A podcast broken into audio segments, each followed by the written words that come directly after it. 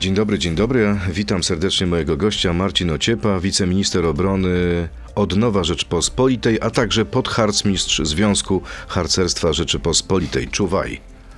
Czuwaj, a nie spodziewałem się takiego powitania, panie redaktorze. Dzień dobry, witam. będą pytania w takim razie o harcerstwo. Będzie o Czuwaj, będzie tak o Chun Mu też, ale to w dalszej części naszej rozmowy. Czy Marcin W., który zeznał, że wręczył 600 tysięcy euro łapówki e, w reklamówce Biedronki Michałowi Tuskowi, aby otrzymać zielone światło na kontrakt, to wiarygodny świadek, czy też świadek niewiarygodny? Zależy, którą stronę sceny politycznej pan zapyta, panie redaktorze. Pytam e, oczywistą pańską. A, i, i, to jest tak, że y, rzeczony y, jest uczestnikiem postępowania i w, tak, w trakcie takiego postępowania mówi się różne rzeczy. E, Ja rozumiem, że y, jak mówił y, rzeczy bym powiedział, uderzające w Prawo i Sprawiedliwość w Zjednoczoną Prawicę, to był bohaterem dla Platformy Obywatelskiej Donalda Tuska. No teraz się okazuje, że e, jak, się, jak poznajemy te zeznania, to jednak e, nieco więcej zastrzeżeń albo bym powiedział bardzo istotne zastrzeżenia zgłasza do samego Donalda Tuska czy do e, tej drugiej strony.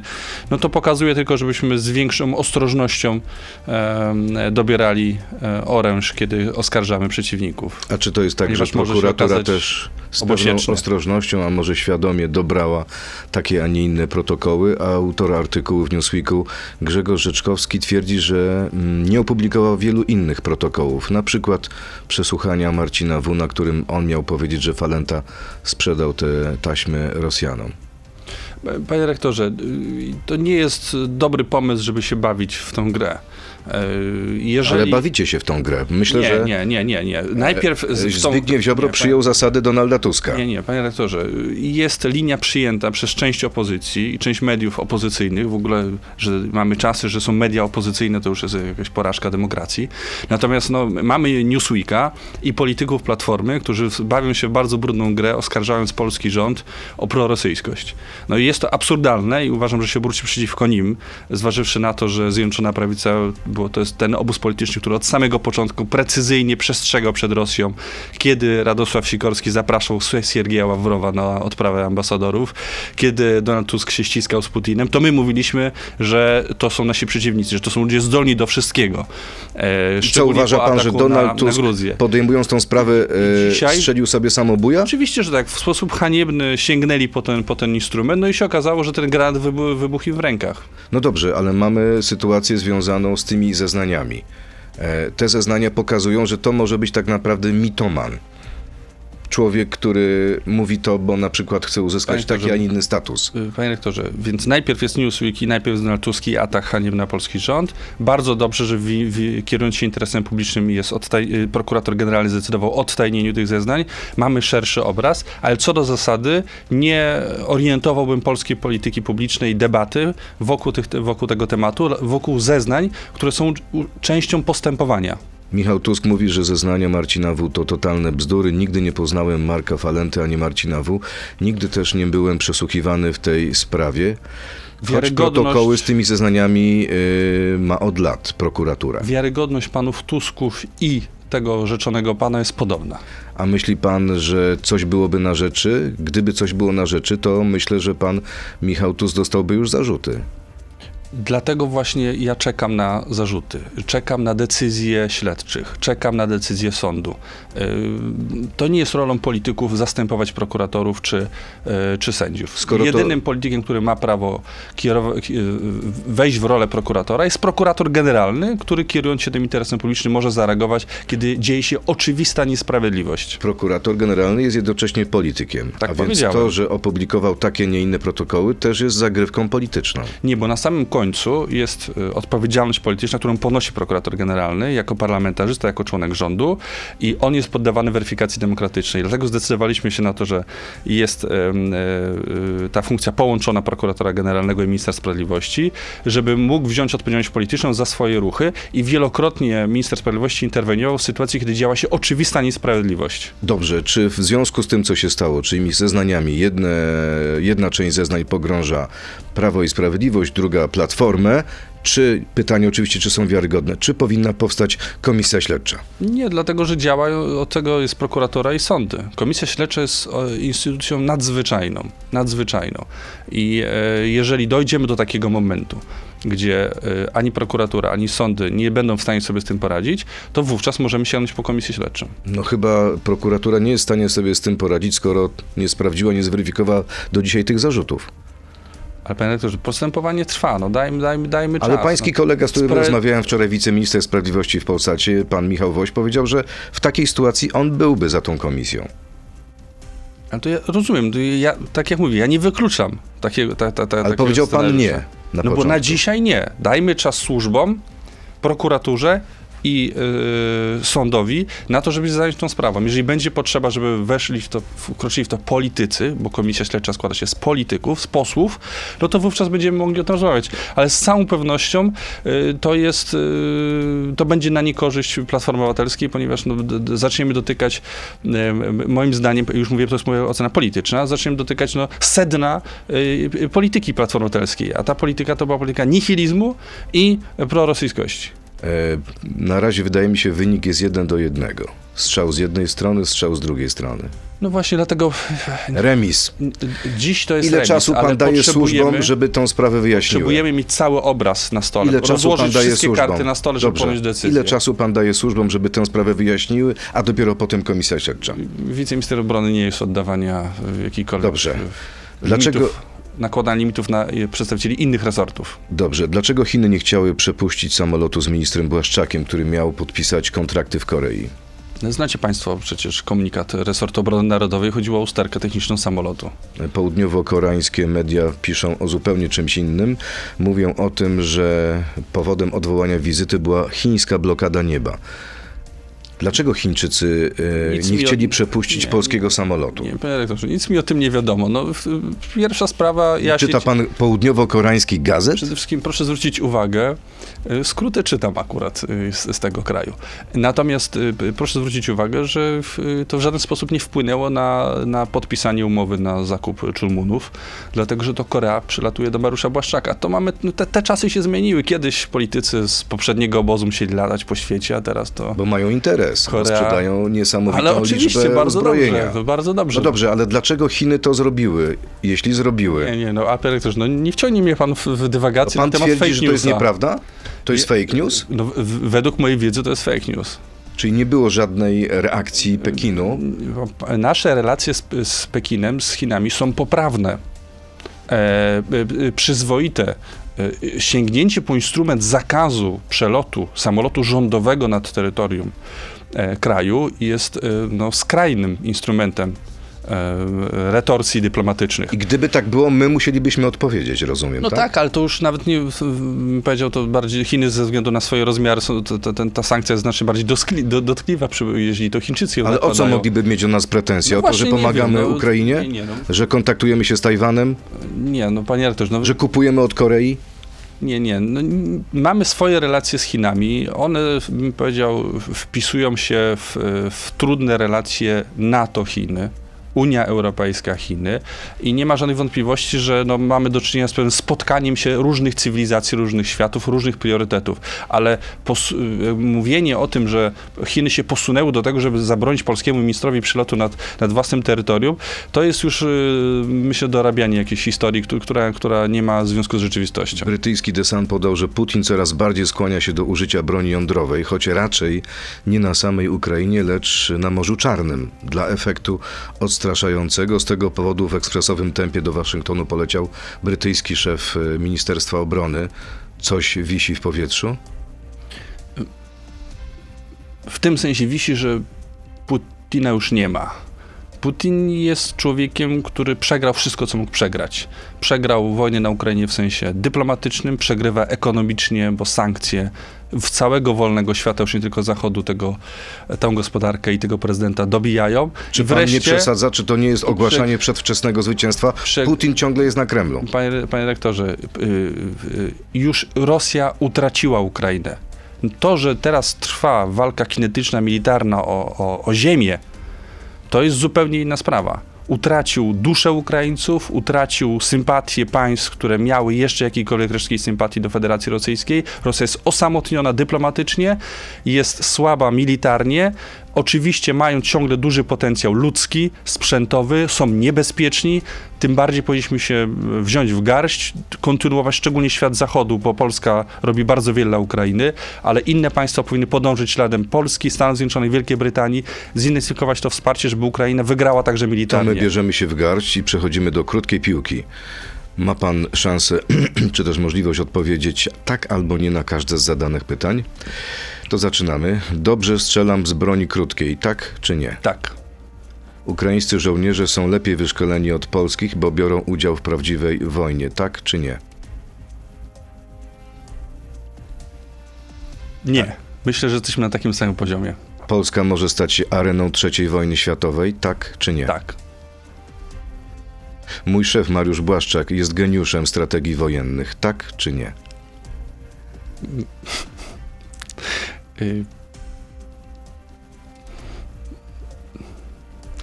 Nie. Mariusz Błaszczak jest wybitnym państwowcem, ministrem. Tak czy nie? Czym innym jest rzemiosło wojskowe, czymś innym rzemiosło polityczne. Krótkie odpowiedzi, ostatnie. Zdradziłem Jarosława Gowina, ale nie mam z tego powodu wyrzutów sumienia, tak czy nie? Mm, Nie. Nie zdradziłem. Po co nam koreańskie armata haubice, skoro mamy polskie kraby? O tą sprawę zapytam pana ministra, mojego gościa. W drugiej części zapraszam państwa do internetu na Radio ZPL, Facebooka i YouTube'a. To jest gość Radia Z. No właśnie, Mariusz Błaszczak nie jest geniuszem. Ciekaw jestem, co powie, jak pan wróci do ministerstwa. No, Panie, ale pan mówił o strategiach wojennych, grach wojennych, panie rektorze. No to jest jakby fundamentalne pomylenie y, y, y, pojęć, dlatego że czymś innym jest rzemiosło wojskowe. Od tego są generałowie. Mariusz Błaszczak nie jeździ czołgiem. Nie wiem, czy to... Czy ja, Nie, oczywiście, Czy- czy- domyślam się, ale Zdradzam samochodem jakiś jeździ. wielki, jakiś, jakiś sekret, ale ani nie, nie, nie jeździ czołgiem, ani nie, nie będzie e, prowadził tej armatochaubicy, ani nie będzie latał FA-50. A proszę powiedzieć, czy ma pan jakieś e, przeszkolenie wojskowe, czy na przykład skończył pan e, jakieś studium wojskowe na uniwersytecie? Nie kończyłem. Byłem za to w reprezentacji mojej szkoły średniej w strzelectwie, jeśli, jeśli to ma jakiś wpływ. Czyli dobrze pan strzela? Przyzwoicie. Mm, Jacek Wielgosz, nasz słuchacz. Jest pan wiceministrem MONU. Czy ma pan wiedzę praktyczną o broni? Potrafiłby pan wymienić, jakie są podstawowe zasady bezpieczeństwa przy czyszczeniu broni? Czyści pan broń? Panie rektorze, ja mam pozwolenie na broń, a więc musiałem zdać wszystkie egzaminy, które pozwalają mi uzyskać takie pozwolenie, więc w, w tej kwestii myślę, że jestem całkiem kompetentny. E, Parę dni temu e, moim gościem był generał Różański w tym studiu i on powiedział, że właściwie każdy wysoki urzędnik państwowy, zwłaszcza w MONie, powinien skończyć wyższy kurs obrony. Można takie kursy ponoć skończyć e, w Rembertowie, bo to poprawiłoby wasz warsztat pracy.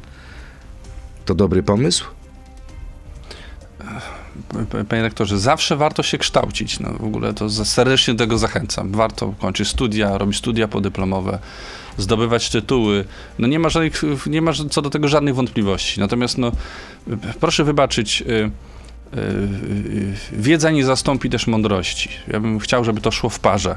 Pan generał Różański, z tego co kojarzę, jest zawodowym, wykształconym żołnierzem, a mimo to całkiem niedawno zachęcał Ukraińców do ataków na cele rosyjskie na terytorium Federacji Rosyjskiej. A to jest coś złego? Nie powinni Absolutnie, atakować? to jest, to jest wbrew całej doktrynie, doktrynie NATO Dlaczego? i, w- i, te- i doktrynie państwa ukraińskiego, dlatego że Ukraińcy się bronią i e, jednoznacznie wskazują, że ich celem jest odzyskanie własnych terytoriów, że wbrew tej narracji rosyjsko-białoruskiej e, ani celem Ukrainy, ani celem NATO nie jest napaść na Rosję czy na, e, na, na Białoruś. My tylko i wyłącznie Ukraińcy się bronią, a my wspieramy obronę Ukrainy, ponieważ wspieramy integralność i su- terytorialną i suwerenność Ukrainy. Przekroczenie tej granicy, to znaczy zaatakowanie celów na terytorium Federacji Rosyjskiej, oznaczałoby wpisanie się dokładnie w tę, w, w tę narrację. Amerykanie nawet przecież wprost mówią, że da, tą broń, którą przekazali na Ukrainie, ma służyć tylko i wyłącznie wyzwoleniu terenów Ukrainy. Nie wolno jej używać przeciwko Federacji Rosyjskiej na terytorium Federacji No Rosyjskiej. dobrze, a skąd się biorą te pożary po właśnie rosyjskiej stronie, blisko granicy z Ukrainą? Mówimy o To broni Robią ciężkiej. to krasnoludki? Nie no, mam nadzieję, mam, na, mam nadzieję, bo nie mam zamiaru tutaj publicznie mówić jak jest. Powiem, jak, mam nadzieję, że robi to, robi to wywiad ukraiński, że to, że to jest sabotaż służb ukraińskich. Tak jest. Tylko czymś innym jest działalność sabotażowa, e, na poły partyzancka, a czymś innym jest użycie ciężkiego sprzętu i wysłanie żołnierzy do zdobywania rosyjskich miast. Jak w tej chwili wyglądają najczarniejsze scenariusze dla Polski, jeśli chodzi o rozwój tej wojny? Nie lubię tego pytania, panie rektorze, bo później to na nagłówki trafia właśnie te najczarniejsze scenariusze. Zacznę od tego, że Polska jest bezpieczna siłą swojej armii i siłą sojuszy międzynarodowych. No taka oficjalka, którą przekazują wszyscy i w ministrowie. wersji, I w wersji, i, i znaczy także kinetycznie, militarnie nic nam nie grozi. Kinetycznie, militarnie, a atomowo-militarnie? Też nam nic nie grozi, ponieważ jesteśmy objęci tym parasolem natowskim i, i tutaj i, i spałbym spokojnie. Natomiast jeśli pan pyta, czy my rozważamy najczarniejsze scenariusze, to tak. I czy, czy to jest tak, że e, mm, debata publiczna w Polsce jest adekwatna do zagrożenia, to nie.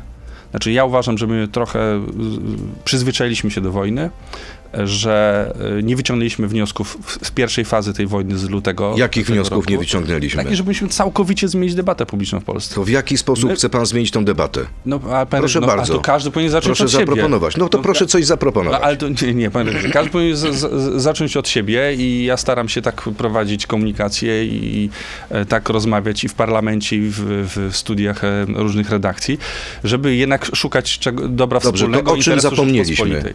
Natomiast po, niewątpliwie stoimy przed wyzwaniem czegoś, co ja bym nazwał drugą transformacją. To jest nam, to potrzebujemy zmiany na, na, na, na, takim poziomie. W wymiarze wojskowym to się dzieje. Olbrzymie zakupy zbrojeniowe, zwiększenie nakładów na obronność do 4% PKB, Fundusz Wsparcia Sił Zbrojnych, te olbrzymie zakupy, które realizuje z olbrzymią determinacją premier Błaszczak, zwiększenie liczebności armii do 300 tysięcy, to jest transformacja na miarę roku 89 Wie pan, co mówią niektórzy politycy opozycji, że te zakupy będą tak ogromne, że kiedy władzę przejmie opozycja, budżet nie będzie w stanie tego udźwignąć.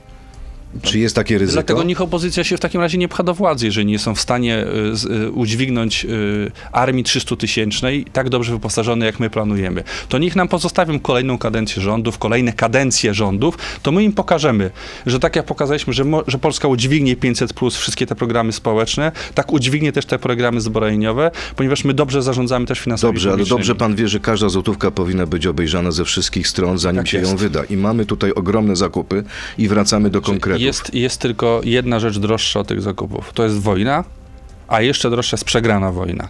I to jest po prostu inwestycja. Ja rozumiem, ja też bym wolał jako były samorządowiec, jako poseł ziemi opolskiej wydawać te pieniądze na drogi, szpitale, e, baseny, na, na szkoły, ale po prostu nas jako państwo położone w tym miejscu świata nie stać na armię mniejszą niż 300 tysięczną. Nie stać nas na to, żeby nie mieć tych systemów uzbrojenia, które kupujemy. Dobrze, jaki jest sens kupowania armatochaubic od Korei Południowej, skoro mamy znakomite polskie kraby, które świetnie sprawdzają się na Ukrainie? A jaki jest potencjał produkcyjny polskiego przemysłu zbrojeniowego? Za mały? Za mały. I to, że dzisiaj mamy decyzję o tym, żeby zwiększać tę, tę, tę produkcję, co pochwalamy, do czego zachęcamy polski przemysł zbrojeniowy, ale także amerykański, francuski, koreański. Wszyscy musimy, w, my w wolnym świecie, inwestować w przemysł zbrojeniowy, dokładać linie produkcyjne, znacznie intensyfikować tę produkcję, e, ale po prostu na dziś Polska nie, nie może czekać na taką liczbę armatochaubic, czy na taką liczbę czołgów, czy na taką liczbę samolotów, jaką potrzebujemy, lat 20 czy 25. My Papież potrzebujemy Franciszek- tego w tej dekadzie. Parę miesięcy temu powiedział, że kurs na zbrojenie to jest szaleństwo tego świata. Pełna zgoda. To dlaczego to robimy? No, Ale panie rektorze, dlatego, że nasi y, y, y, bezpośredni adwersarze nam nie ustępują, co więcej, sięgają po ten sprzęt wojskowy. Nie tylko inwestują w swoje zbrojenia, radykalnie podnosząc te nakłady, ale dodatkowo używają tego sprzętu. No to już jest dla nas ostatnie, Dobrze, to, to lećmy dalej. Sprawa zakupu koreańskiego. Polska podpisała też umowę na zakup prawie 300 koreańskich wieloprowadnicowych wyrzutni K-239 Chun-Mu. To chyba jest nie, niebo i taniec, z których 18 ma trafić już nad Wisłę w przyszłym roku. Można je jakoś porównać do Hajmarsów? Jest to system bardzo podobny. A dlaczego, w ogóle- dlaczego kupujemy od Koreańczyków? Nie czekamy już na te Hajmarsy ze Stanów? Y, y, Nie. Jest decyzja o tym, że kupimy około 200 Heimarsów ze Stanów Zjednoczonych i około 300 Czyli nie co 500, da nam... tylko 200. No tak, a te, Pierwsza informacja była o 500. taka było zapy, takie było zapytanie ofertowe ze strony polskiej, bo my musimy mieć 500 zestawów tego, tych systemów, em, tej artylerii rakietowej. Dostajemy odpowiedź, że realne jest 200. No to w sposób naturalny Dokupujemy premier w Korei. Błaszczak e, szuka, gdzie możemy, dla, gdzie możemy dozbroić polską armię. Koreańczycy deklarują, my możemy dostarczyć 300, no to będziemy mieli 500, wszystko się zgadza. Systemy są podobne, ale to właśnie wracamy do potencjału przemysłu zbrojeniowego. Po prostu także amerykański przemysł zbrojeniowy ma swoje ograniczenia. Dobrze, czołgi. Y, Będziemy mieć oprócz czołgów leopardów niemieckich, e, czołgów polskich, czołgów amerykańskich Abramsów, także czołgi koreańskie. E, Tak Taka jest. prawdziwa wieża Babel nam się robi w, e, w wojsku. E, Czy to będzie ze sobą kompatybilne? Bynajmniej, dlatego że proszę pamiętać, że, znaczy, przepraszam, bynaj, bynajmniej wieża Babel będzie ze sobą kompatybilna. Dlaczego? Dlatego, że po pierwsze to nie jest tak, że te wszystkie czołgi się pojawią naraz. Mówimy o zakupach, które będą realizowane, e, czy dostawach, które będą realizowane w przeciągu e, e, od kilku do kilkunastu lat, w zależności o których systemach my roz, rozmawiamy. Niektóre będą zastępować te, które pan redaktor wymienił. Natomiast co do, idąc dalej, no to proszę pamiętać, że nie możemy porównywać tych czołgów, dlatego że na przykład czołgi Abrams są czołgami ciężkimi, czołgi K2 są czo- czołgami średnimi. W sytuacji, kiedy polska armia już dzisiaj dysponuje największą siłą pancerną w Europie, de facto, jeśli mówimy o liczbie sprzętu, o, o liczbie y, y, czołgów, no to, y, to, na, to nas musi być ze względu na nasze położenie geograficzne, na kształtowanie terenu, na to, że mamy czołgi i ciężkie, prawda, na niziny, na, na, na, teren płaski, mówiąc bardziej wprost, a- ale także na czołgi średnie, które są charakterystyczne dla Korei, tam jest inne kształtowanie terenu, stąd ta- taka, taka jakość K2, które także zakupujemy. Polska musi być stać na to na czołgi i, i ciężkie, i średnie, a siłą rzeczy no, potencjał zbrojeniowy różnych przemysłów, a także ich zdolność do kooperacji, bo to ma znaczenie, na przykład serwis, dostawa, dosta- dostawa części, a z Leopardami był z tym problem. No sprawiają, że my musimy podejmować decyzje, które sprawiają, że na samym końcu, bo z tego będziemy odliczani, polska armia będzie silniejsza po naszych rządach, niż wtedy, kiedy, je, kiedy ją zastaliśmy. A Dobrze. przypominam, że zastaliśmy polską armię w fazie zwijania po rządach Platformy Obywatelskiej. Dobrze, dobrze. Czy I liczbowo, i jakościowo. jak bardzo zmniejszyła się zdolność bojowa polskiej armii poprzez to, że przekazaliśmy bardzo dużą część sprzętu, uzbrojenia Ukraińcom? To jest 20, 30, 50% mniej? Panie rektorze, cał, zachowujemy całkowicie e, poziom bezpieczny, dlatego że Oddając 200-300 czołgów? ryzyko w związku z uwikłaniem się Rosji w wojnie w- na Ukrainie, ryzyko konfrontacji bezpośredniej jest mało prawdopodobne teraz. Ono się pojawia w w horyzoncie, zaraz zobaczymy jeszcze jak zakończy się wojna na Ukrainie, ale w horyzoncie najwcześniej trzech lat. I my wtedy te zdolności uzupełnimy. I ja zgadzam się, że to, jest, to była decyzja odważna, ryzykowna, ale my z całą odpowiedzialnością ją pod- podjęliśmy, ponieważ mamy świadomość, że Ukraińcy walczą także za nas. Że każdy zniszczony rosyjski czołg to jest o jeden mniej na polskiej ziemi. A proszę powiedzieć, czy y, Polska, polski rząd, polskie Ministerstwo Obrony Narodowej bierze pod uwagę moment, kiedy władze w Stanach Zjednoczonych przejmują republikanie, którzy mogą być, jeśli chodzi o pomoc dla Ukraińców, o wiele bardziej wstrzemięźliwi. Mogą powiedzieć, nas ta wojna nie interesuje. I co wtedy nie, zrobi nie, Polska? nie zgadzam się, nie zgadzam się. Uważam, że wsparcie dla Ukrainy jest przedmiotem konsensusu politycznego w Stanach Zjednoczonych. No ale słyszy pan, co mówi Donald Trump, że on by tę wojnę tak naprawdę w kilka dni e, doprowadził do końca i trzeba było po prostu go wybrać. Panie rektorze, no Ona w ogóle by nie wybuchła nawet. Ale to jest bardzo prawdopodobne. Ja Tak? przypominam słowa Donalda Trumpa, który powiedział Putinowi, że jak zaatakujesz Ukrainę, to ja ci zbombarduję Moskwę. Biden powinien coś takiego powiedzieć teraz Putinowi?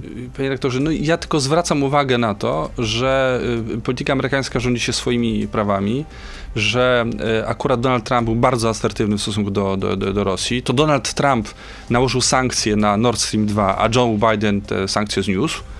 E, więc jednym słowem to nie jest takie zero-jedynkowe e, w, w, w ocenach. Bym powiedział odwrotnie, że to republikanie mieli znacznie bardziej do tej pory realistyczne podejście do, do polityki rosyjskiej, do samego Putina niż demokraci. To wróćmy do polskiej armii, do stanu Demokratów polskiej ratuje tylko armii. doświadczenie osobiste Joe Bidena, który y, wcześniej miał wiele okazji do relacji, do, do, do kontaktów bezpośrednich z Putinem i go po prostu zna. Czyli bym powiedział, gdyby był inny demokrata w Białym Domu niż Joe Biden, to pewnie ta polityka byłaby znacznie łagodniejsza. To wróćmy do stanu polskiej y, armii MONO tworzył punkty rekrutacyjne na dworcach kolejowych. Y, Czy to znak, że na poważnie przygotowujemy się do wojny i tych ludzi, którzy, którzy chcą wstąpić do armii jest mało? No, skąd taka ofensywa? Nie, nie to, to, nie jest, to nie są punkty poborowe, tylko punkty No rekrutacyjne. tak, no powiedziałem. od lat, od Punkty roku, rekrutacyjne. Nie, tak, tak, no ale to, czy, czy to oznacza wojnę, prawda? No punkty poborowe oznaczają, że jest jakieś, jakieś, No, ale wcześniej ich nie było. jakieś ryzyko. Są, bo wybuchła wojna. Nie, są dlatego, że rząd Zjednoczonej Prawicy od roku 2015 odbudowuje polskie siły zbrojne. My zastaliśmy armię po rządach Platformy Obywatelskiej, konsekwentnie zmniejszaną. Na szczęście w 2015 przegrali wybory i zatrzymano, zatrzymano tę redukcję na poziomie 95 tysięcy żołnierzy. Obecnie w Polsce jest około 150 tysięcy żołnierzy e, różnych rodzajów sił zbrojnych i docelowo ma być 300 tysięcy. A I co tak- przyniosła ta akcja w ostatnich i- miesiącach? I, I tak Ile osób zgłosiło się do armii? Panie dyrektorze, m- my absolutnie notujemy wzrosty, zarówno jeśli chodzi o zainteresowanie zasadniczą dobrowolną służbą wojskową, czyli to jest ten nowy rodzaj służby, który został wprowadzony. To samo jeśli do- dotyczy WOD i to samo jeśli chodzi o chętnych do, do studiowania. Jakie to są liczby? Na uczelniach ym, ym, y, wojskowych. No, panie dyrektorze, tylko, że to jest dynamiczne. Mi tru- trudno teraz odpowiedzieć. Musiałbym sięgnąć do telefonu, żeby, żeby te notatki sprawdzić, jak to wygląda w ostatnich dniach, ponieważ my cały czas prowadzimy, prowadzimy y, szkolenia. W przypadku dobrowolnej zasadniczej służby wojskowej to jest mowa o około 8 tysiącach ludzi, którzy są teraz przeszkoleni, czy zostali zarejestrowani do tego nowego rodzaju y, y, Panie ministrze, służby. gdyby pan dzisiaj miał postawić prognozę na najbliższe tygodnie, miesiące, kiedy i jak skończy się ta wojna na Ukrainie? To, to jest trochę wróżenie z fusów, panie redaktorze. Dlatego, że dzisiaj, e, e, gdyby Putin się kierował normalną logiką, taką jak my się kierujemy na Zachodzie, a my popełniamy ten błąd, że my próbujemy go analizować e, naszym aparatem poznawczym. Putin ma trochę inne, inne priorytety, trochę inaczej na to patrzy, inaczej się dla niego liczą straty ludzkie. Dla nas to jest tragedia, dla niego to jest żaden problem, jeżeli tylko osiągnie jakieś cele polityczne. Możemy powiedzieć tak, nie może ta wojna zakończyć się jakimkolwiek ustępstwem w stosunku do Putina o charakterze terytorialnym. Putin natychmiast pokaże i na użytek wewnętrzny e, i na użytek w- w- swoich relacji międzynarodowych z innymi państwami autorytarnymi, że warto było sięgnąć po, po instrument wojny, żeby uzyskać jakiekolwiek zdobycze terytorialne. Jeżeli się Ukraińcy na to zgodzą, bo to nie jest nasza kwestia, to jest kwestia Ukraińców. To jest pytanie, czy my będziemy w tej, w, tej, w tej konsekwencji Ukraińców wspierać. Jeżeli Ukraińcy się na to zgodzą, to będzie tak, jak zapowiadał święty pamięci Lech Kaczyński w Gruzji. Zgodziliśmy się, znaczy Zachód się zgodził, Polska nie, Lech Kaczyński się nie zgadzał, na Abchazję i Osetię, to Putin pójdzie dalej. I poszedł w 2014 roku po Krym i po Donbas. Wtedy również e, z, z, e, nie wyciągnięto z tego wniosków. My przestrzegaliśmy e, jako Zjednoczona Prawica, bo już Platforma Obywatelska nie. Nie wolno iść w kierunku Nord Stream 2, nie wolno iść dalej na dal- dalsze ustępstwa i co? Mamy rok 2022. Jeżeli teraz popełnimy ko- kolejny błąd, to znaczy, że będziemy mieli kolejną wojnę. Pytanie od naszego słuchacza Kuba Klus. Czy Zbigniew Ziobro powinien nazywać Donalda Tuska niemieckim kolaborantem bez posiadania na to twardych, konkretnych dowodów? Nie wiem, czy Państwo słyszeli ten oddech. I, i, ja nie używam takich sformułowań, dlatego że one mi się kojarzą jednak historycznie. Tak? To znaczy, kolaboracja z Niemcami dotyczyła e, e, ludzi, i to nie w Polsce, bo to było zjawisko marginalne w Polsce, w innych krajach, gdzie, które były pod niemiecką okupacją i współpracowali z nazistami. Czyli y, słowo Zbigniew mi się nie Ziobro, pański podoba. kolega z rządu, przegiął. To słowo mi się nie, Przekroczył granicę? to słowo mi się nie podoba. Ja bym tego nie użył. Natomiast sens, jak rozumiem tego, co chce Zbigniew Ziobro powiedzieć, i tu się zgadzam, że Donald Tusk kieruje się wielu, w wielu swoich decyzjach, wcześniej się kierował i obecnie interesem niemieckim. I to jest problem. I czas najwyższy, żebyśmy, ale od tego jest demokracja, żebyśmy jako wyborcy rozliczali polityków Nie jest, z, z, z, z tego, czy, którym interesem się kierują, czy polskim, czy niemieckim. nie jest panu po ludzku tak y, żal swojego byłego szefa Jarosława Gowina? No, oczywiście, że jest. Oczywiście, że jest. No, y, pan zadał pytanie o zdradzie, no z całym szacunkiem, no ale to Jarosław Gowin zdradził Zjednoczoną Prawicę, to Jarosław Gowin startował z list Zjednoczonej Prawicy i to on wyszedł z klubu Zjednoczonej Prawicy, więc ym, ja pozostaję y, wraz z, z wieloma kolegami i koleżankami, no większością posłów porozumienia ówczesnego, e, lojalni wobec naszych wyborców, którzy nas wybrali do Sejmu. E, natomiast y, Czyli co, Jarosław, Jarosław, popełnił, Gowin jest zdrajcą? Pope- a, Panie rektorze, ja nie uważam, że to czemukolwiek będzie służyć, żeby, żeby używać tych sformułowań. Chcę powiedzieć jasno, że popełnił błędy. Popełnił błędy i dlatego- Po, popełnił błąd y, polityczny, popełnił błąd w takim wymiarze osobistym, popełnia błędy jako, przy, jako przywódca partii, y, no i każdy z tych tematów mogę rozwinąć, jeżeli... Teraz Donald Tusk y, mówi, że Gowin nie będzie rozliczał, tylko będzie rozliczany. No, ale dokładnie ja mu to mówiłem. Znaczy, Co, co pan mu mówił? że jeżeli, jeżeli e, uważa, że e, opuści Zjednoczoną Prawicę i zostanie przyjęty z otwartymi ramionami przez polityków opozycji, to się, e, to się zawiedzie, to się zdziwi. Dlatego, że współtworzył obóz Zjednoczonej Prawicy, był jego częścią, był ministrem, wicepremierem tego obozu przez długie lata i dzisiaj wy, wychodzenie i, i jakby na siłę zapisywanie się do obozu, bo to jest na siłę zapisywanie się. Ja rozumiem, że Zjednoczona Prawica nie jest obozem idealnym. Ja mam tego świadomość, ale z da, daleko lepszym, znacznie bardziej służącym interesowi Rzeczpospolitej niż opozycja, do której się zapisuje. A może Gowinowi chodziło o to, że ważniejsze są zasady od lojalności partyjnej, od lojalności politycznej? No tak, ale jakie to są zasady, panie redaktorze? Właśnie o to chodzi, że pod rządami, e, proszę pamiętać, że w polityce na samym końcu liczy się większość parlamentarna i do jakiej większości przyłoży się rękę jako poseł. I jakiego premiera się wybierze. I alternatywą dla obecnej większości parlamentarnej jest egzotyczna koalicja. Wszystkie to sondaże pokazują. Musiały wszyscy się połączyć. Lewica, Platforma, PSL, Hołownia, Konfederacja i rozumiem, nie, że premierem... Raczej nie. I, no, no, to, no, to, no to będą mieli większy bez tej Konfederacji? No, niektóre badania pokazują, no, że no, będą. A no, albo będą, albo nie będą, a jak nie, no to co?